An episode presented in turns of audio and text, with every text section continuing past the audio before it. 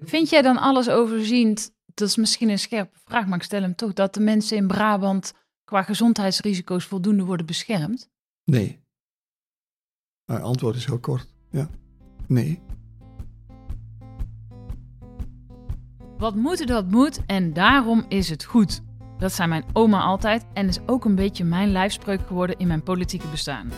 Nou heb ik voor mezelf wel redelijk op een rijtje wat er allemaal moet gebeuren in Nederland en waarom dat dan goed is. Maar ik ben ook heel benieuwd naar de goede ideeën van anderen. In deze podcast ontvang ik daarom mensen die mij inspireren en praat ik met hen over hun goede ideeën voor de samenleving. Normaal gesproken neem ik deze podcast op op mijn mooie werkkamer in Den Haag. Maar vanwege de coronacrisis zit ik vandaag gepaste afstand in mijn eigen os. En ik ontvang in deze podcast huisarts Alfons Olde Lohuis. Alfons, van harte welkom in deze podcast en leuk dat je er bent. Dankjewel. Ik vind het leuk en een eer dat je mij hebt uitgenodigd, Lilian. Ja, want um, jouw verhaal is wel een heel bijzonder verhaal. Ik denk in de tijd dat uh, eigenlijk iedereen corona alleen nog maar kende van ja, het lekkere zomerse biertje, zeg ik maar even. Uh, heb jij al het virus voorspeld? Heb jij al voorzien dat er een virus zoals corona de kop op zou doen? En dat de consequenties die we nu allemaal inmiddels kunnen overzien, dat die gigantisch zijn voor, uh, voor ons allemaal, voor de hele samenleving. Ja. Hoe kijk jij daar nou op terug? Ja, ik ben ook wel een beetje bescheiden. Ja, ik heb, ik heb naar aanleiding van de Q-koorts bedacht ik, wij, wij hebben infectieziektes echt gruwelijk onderschat. En toen dacht ik, daar moet ik wat mee doen. Daar moet ik huisartsen, maar ook medisch specialisten, de huisartsenopleiding, moet ik daarover uh, uh, wakker zien te maken. En dat heb ik uh, willen doen door middel van een game. Dus ik ging bedenken wat er over tien jaar, want ik heb het dus in, in 2010 heb ik dit bedacht.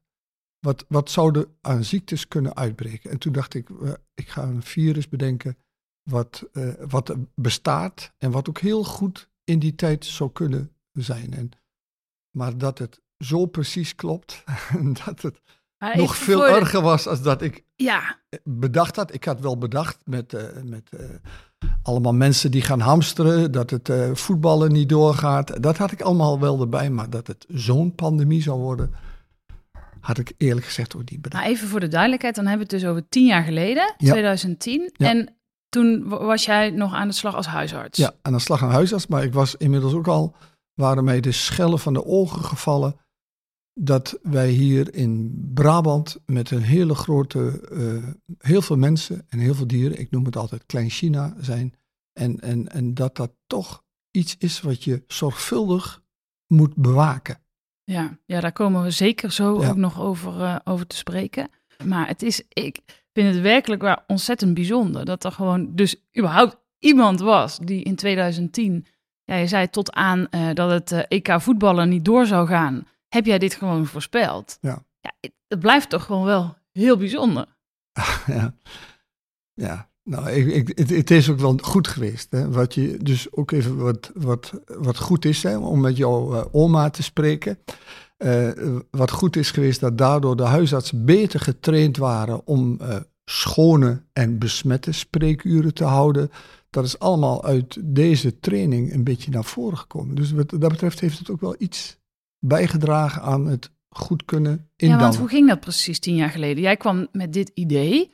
Eh, werd je niet in eerste instantie misschien wel voor gek verklaard of zo, kan ik me voorstellen? Of was er juist een enorme bereidheid onder jouw collega's om, om ermee aan de slag te gaan en te leren? Nee, de- ik heb het gedaan omdat er eigenlijk heel weinig, door een aantal mensen was er veel interesse in infectieziekten, maar in de huisartsenwereld is, en ook de medische wereld is de aandacht verspreid naar thema's. Diabetes, hart- en vaatziektes, longziektes, tumoren, eh ouderenzorg. Allemaal heel, heel terecht en ook terecht dat die aandacht krijgen.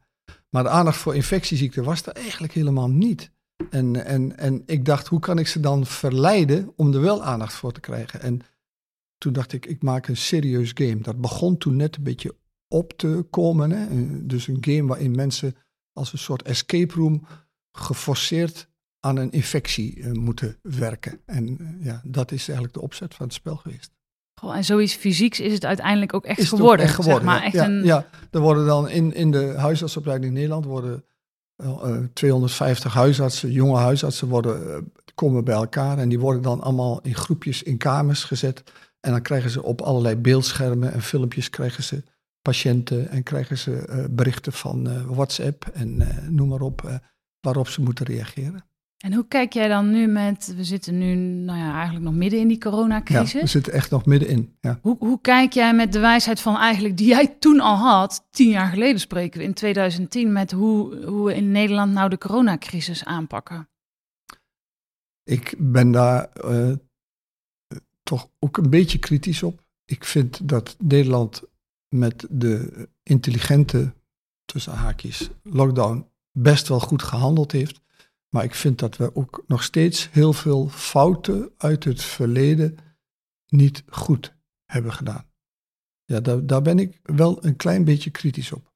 Wat is de meest Eh, voornaamste de- fout? Nou, de belangrijkste waar ik heel veel last van heb gehad en ook, eh, ook wel een beetje, ik ben natuurlijk toch al inmiddels gepensioneerd, dus ik ben ook een beetje bescheiden, maar ik heb een aantal keren het RIVM gebeld en gezegd van, bijvoorbeeld, eh, dat de huisartsen ten tijde hier in Brabant van het begin, hè, de huisartsen stonden met hun handen in hun haar. Patiënten waren zo ziek, zowel ze eigenlijk zagen wel dat wordt allemaal IC. En al heel snel kwam duidelijk dat de IC tekort kwam. Eh, Terwijl in het Outbreak Management Team, wat al lang was opgezet, was geen plaats voor eh, IC-mensen. Dus eh, eh, gommersachtige mensen, zeg maar, zeg je tegenwoordig.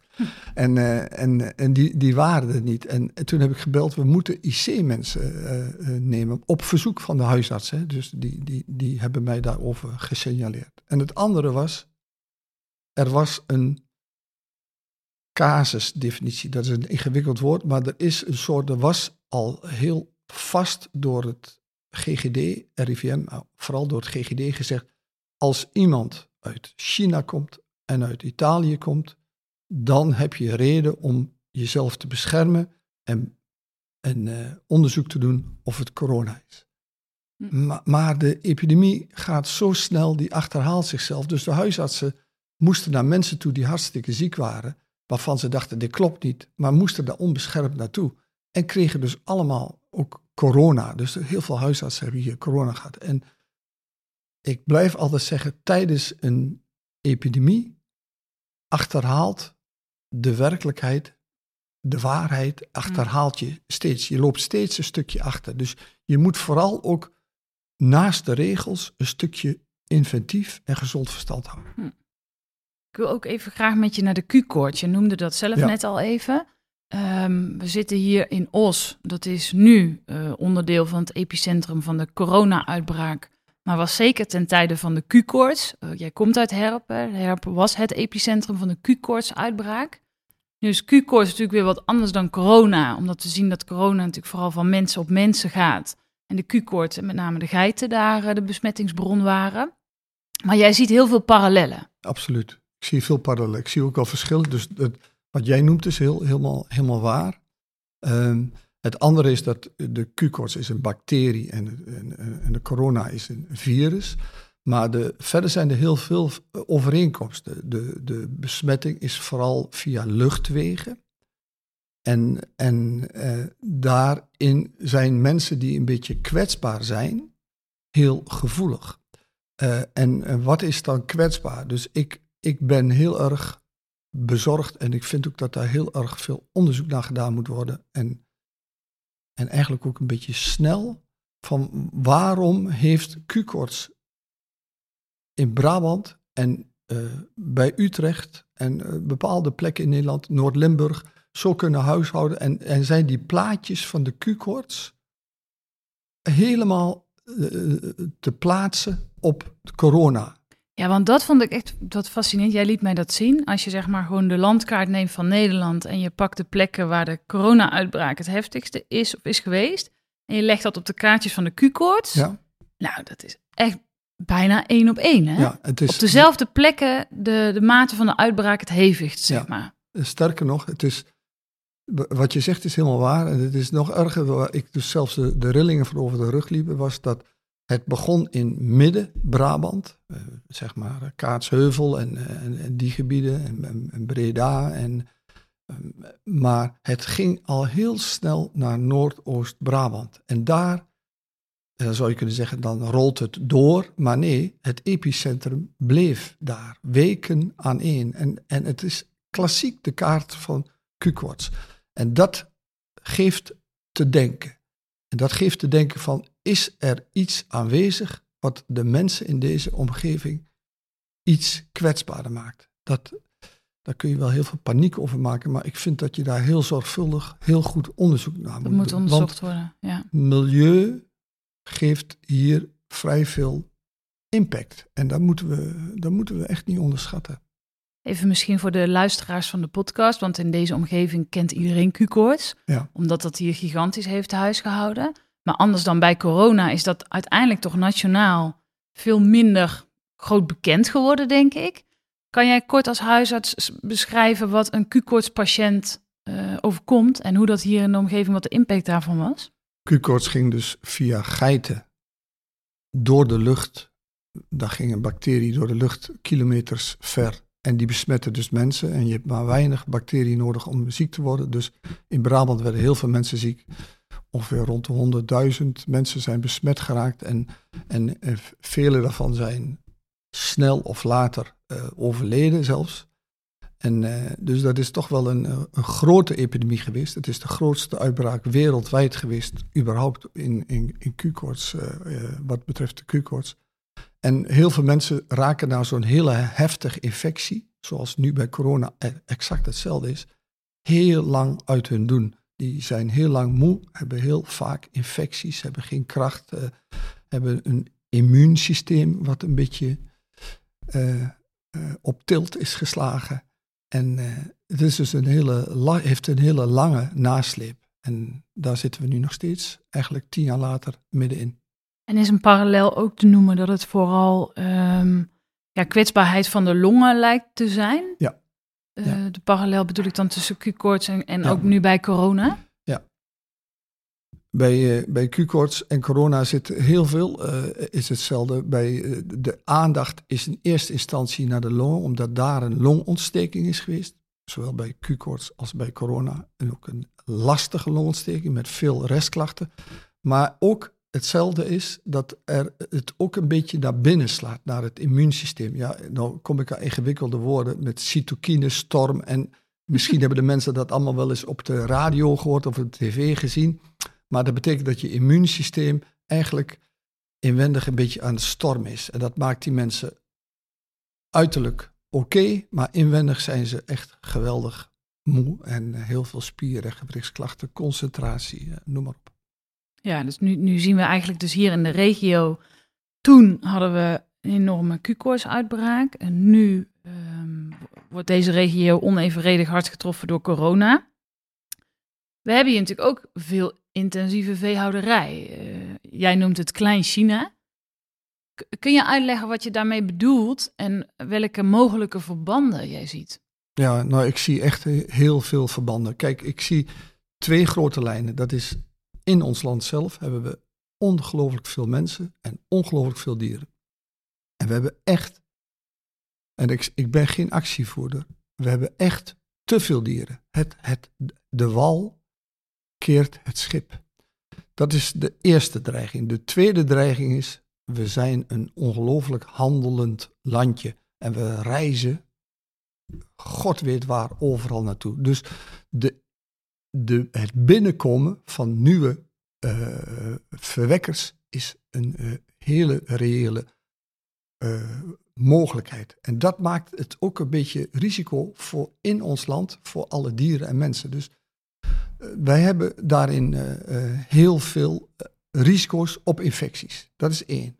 Twee, we hebben ook gewoon door de intensieve veehouderij een, een, een, een soort milieuverontreiniging. En dat is milieuverontreiniging van auto's bij grote steden. Dat is, zijn hele kleine partikeltjes. Dat, dat noemen ze de hele kleine partikeltjes.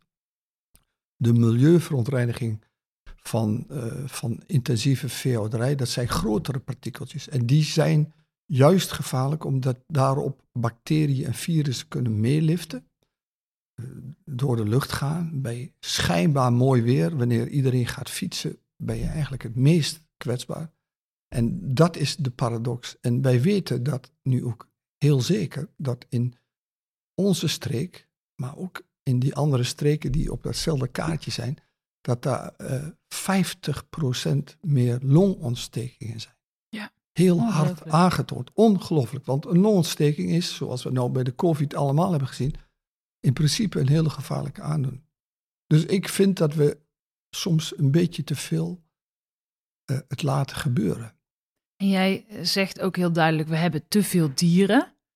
Nou, ik ben zelf een enorme dierenliefhebber en ik vind het al vreselijk om gewoon ook vanuit het oogpunt van dierenwelzijn dan die, die beelden als je ze te zien krijgt, eh, te zien van die intensieve veehouderij.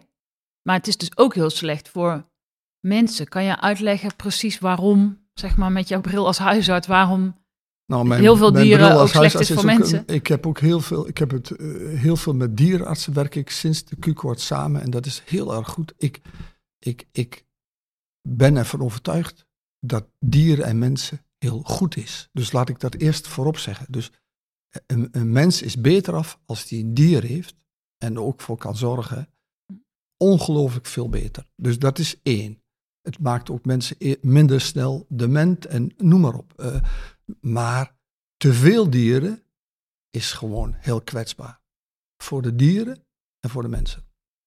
Dus eh, monocultures zijn gewoon riskant. En als ik die beelden nog, eh, dat- eh, in Wuhan van die dierenmarkt, waar, waar die, die vleermuizen op ja, andere beesten zitten en dat lekt en dat doet. En dan denk ik, oh, wat, wat, wat, wat, wat roepen we over onszelf af? Eh, dus ik vind dat je juist heel veel, ik, ik hou heel erg van dieren, wij hebben ook dieren. Maar, maar er moet een, een, een, een balans zijn. Er moet verstandig mee omgegaan worden. En eh, het schiet soms door. Het is ook wel zo, denk ik, als het gaat om die vele dieren, dat dat natuurlijk voor heel veel mensen ook gewoon wel verborgen is. Ja. Uiteindelijk worden heel veel van die dieren natuurlijk ook verborgen. Dus Ja. als je niet heel goed kijkt, sterker nog, als je niet naar op zoek gaat, dan zie je ze ook bijna niet. Die dieren Nou, lopen natuurlijk eh, ook niet buiten. Dus Lilian, he- helemaal het punt. Maar ik, ik, voor mij vielen dus in 2007 bij de Q-koorts schellen van de ogen. Echt letterlijk. Ik was echt ge- gechoqueerd. Ik, heb ook, ik leer huisarts ook altijd, kijk eens uit het raam wat er gebeurt. Want je ziet geen dier. Sterker nog, je ziet eerder een lama in de tuin van een Ja, boer... als dat je daar eh, 10.000 eh, eh, geiten ziet. Ja. Dus we, we leven echt in een aparte wereld. Vind jij dan alles overziend? Dat is misschien een scherpe vraag, maar ik stel hem toch. Dat de mensen in Brabant qua gezondheidsrisico's voldoende worden beschermd? Nee. Mijn antwoord is heel kort. Ja. Nee. Ja. Het wordt, de, het wordt, dat is echt niet zo. Ja. En ik, ik schrik elke keer. Ik zei dat net van die longontsteking. Daar vergelijken we dus de praktijken in, in, in Brabant of in Gelderland of bij Utrecht met Noord-Holland of Friesland of Groningen enzovoorts. Dus zo wordt er dus ook op zulke praktijken. Dus die praktijken zijn echt vergelijkbaar. Maar daar, daar is gewoon ja, 50% meer longontsteking. Daar, en dat is, dan praten we alleen maar over longontstekingen. Praten we niet eens over andere dingen. Darm, diarree en, en noem maar op. En met die kennis die we, nu, die we nu dan wel hebben, er moet nog zeker veel meer onderzoek eh, worden gedaan. Ehm, maar wat zou dan, wat jou betreft, nu de belangrijkste les moeten zijn van dan toch ook nu weer zo'n coronavirus? M- Mijn, vind ik mooi dat je dat vraagt. Mijn, mijn les is dat wij bescheidener moeten worden.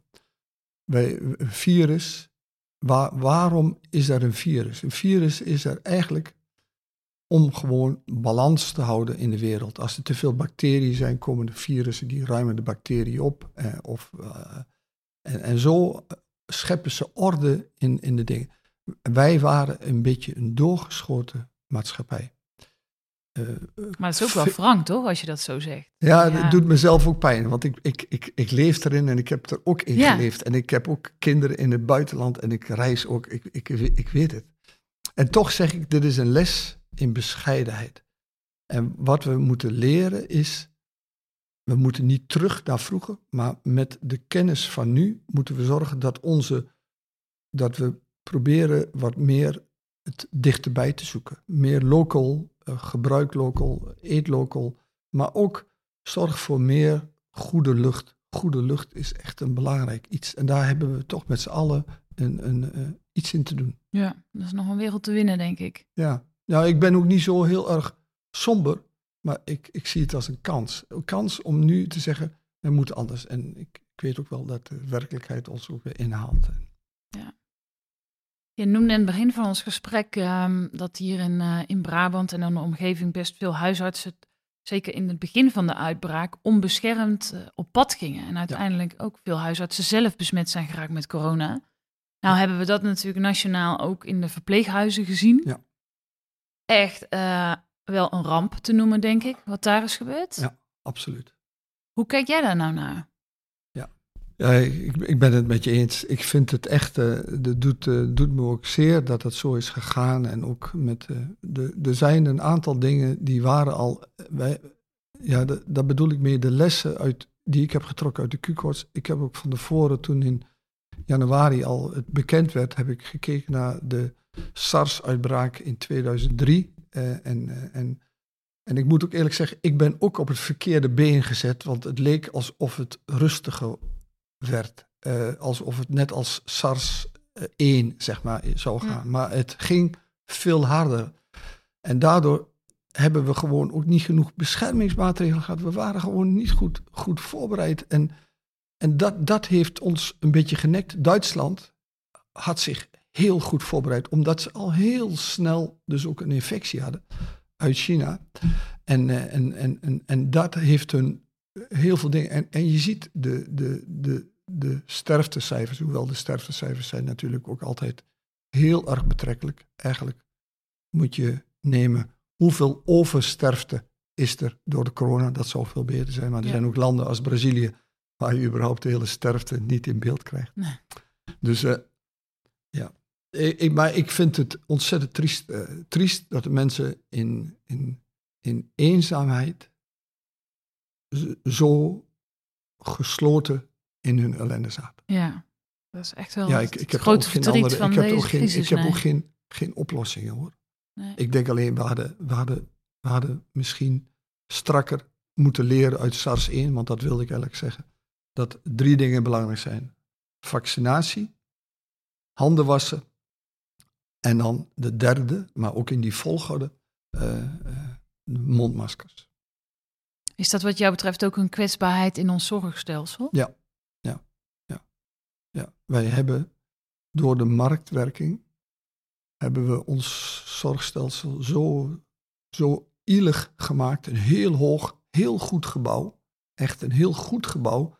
Maar zo ielig dat de fun fundering niet helemaal goed was. Waardoor we afhankelijk zijn van allerlei andere uh, buitenland dingen. Die, dat we simpele dingen als mondmaskers niet meer in ons eigen beheer hebben. Of bedden, of uh, ja, noem maar. Ja, het tekent. Wij hebben een hele goede gezondheidsstructuur. Ik vind wel dat onze gezondheidsstructuur ook kwetsbare dingen heeft. Heel veel. Maar dit is er eentje van. Ja, en de gevolgen hebben we helaas kunnen zien. Ja.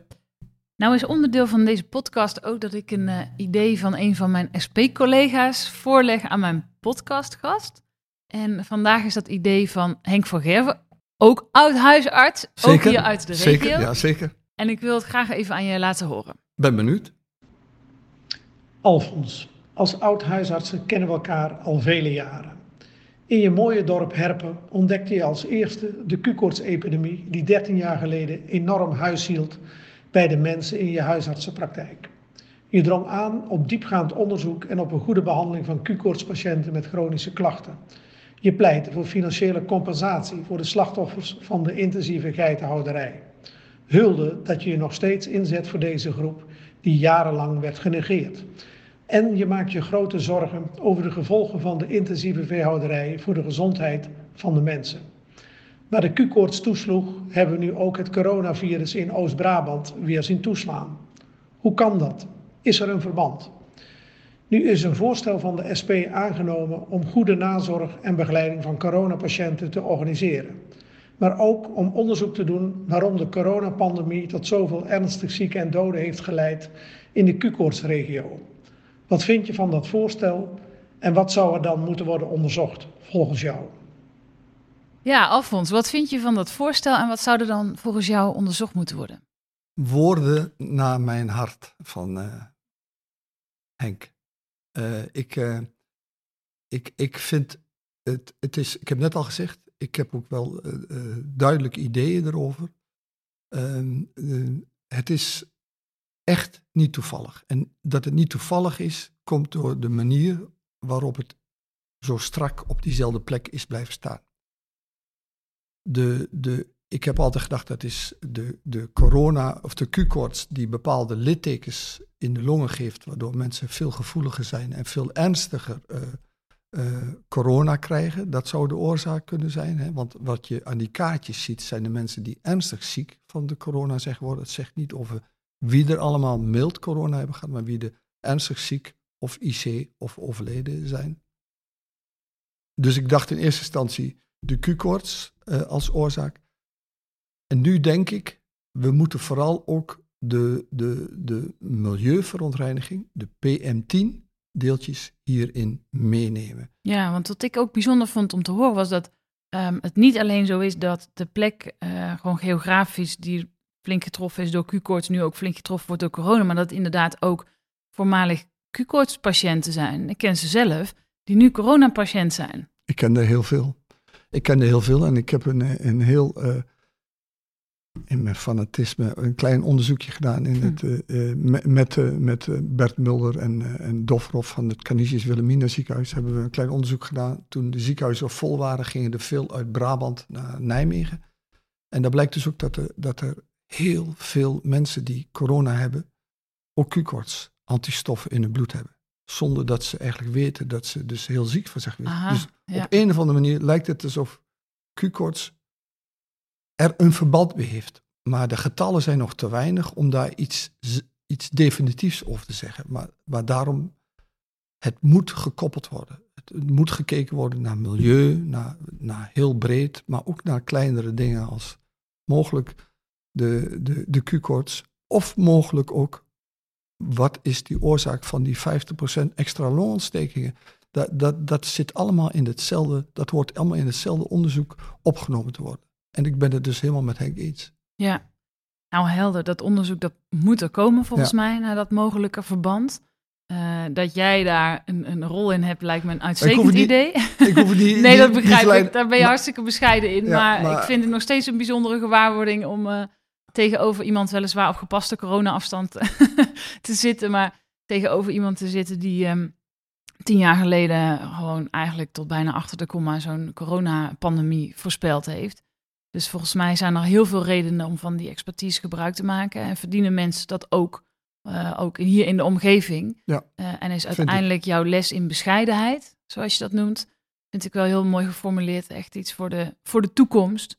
Um, want uiteindelijk denk ik, ja, als we de structurele problemen niet aanpakken, dan. Uh, ja, hoe kijk jij daar eigenlijk naar? Ja. Is er na corona, want dat wordt nu al wel eens over gesproken. Hè? Ik hoor dan van ja, het is een.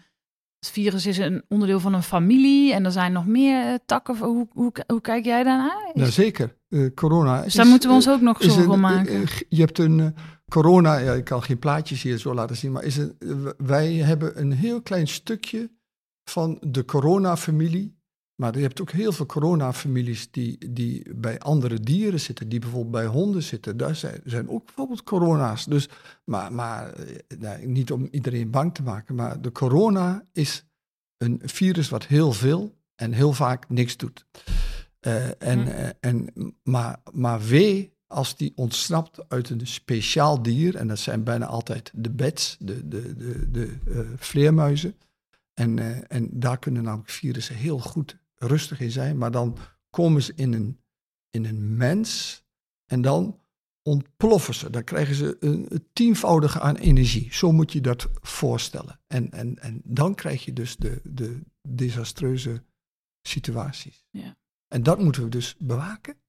Nou, meer dan genoeg reden om dat onderzoek te gaan doen. Gelukkig is ons voorstel over, dat is het goede nieuws in de Kamer, wel breed omarmd. Het is Ja. aangenomen, dus het gaat er komen. Eh, we hebben jouw pleidooi voor tempo daarbij ook goed gehoord. Dus daar gaan we werk van maken. En ehm, ik wil je voor nu in ieder geval hartelijk danken voor jouw scherpe analyse en eh, het delen van jouw verhaal. En vooral ook heel veel succes wensen de komende Dankjewel. tijd. En we hopen allemaal, denk ik, dat jij eh, nog een rol wil blijven spelen. Nou, en ik, ik, ik waardeer ook jullie daarin, even eh, nadrukkelijk. Eh, de manier waarop je daar open eh, voor vecht, is ook echt de moeite waard. Dus dank daarvoor. Fijn, dankjewel.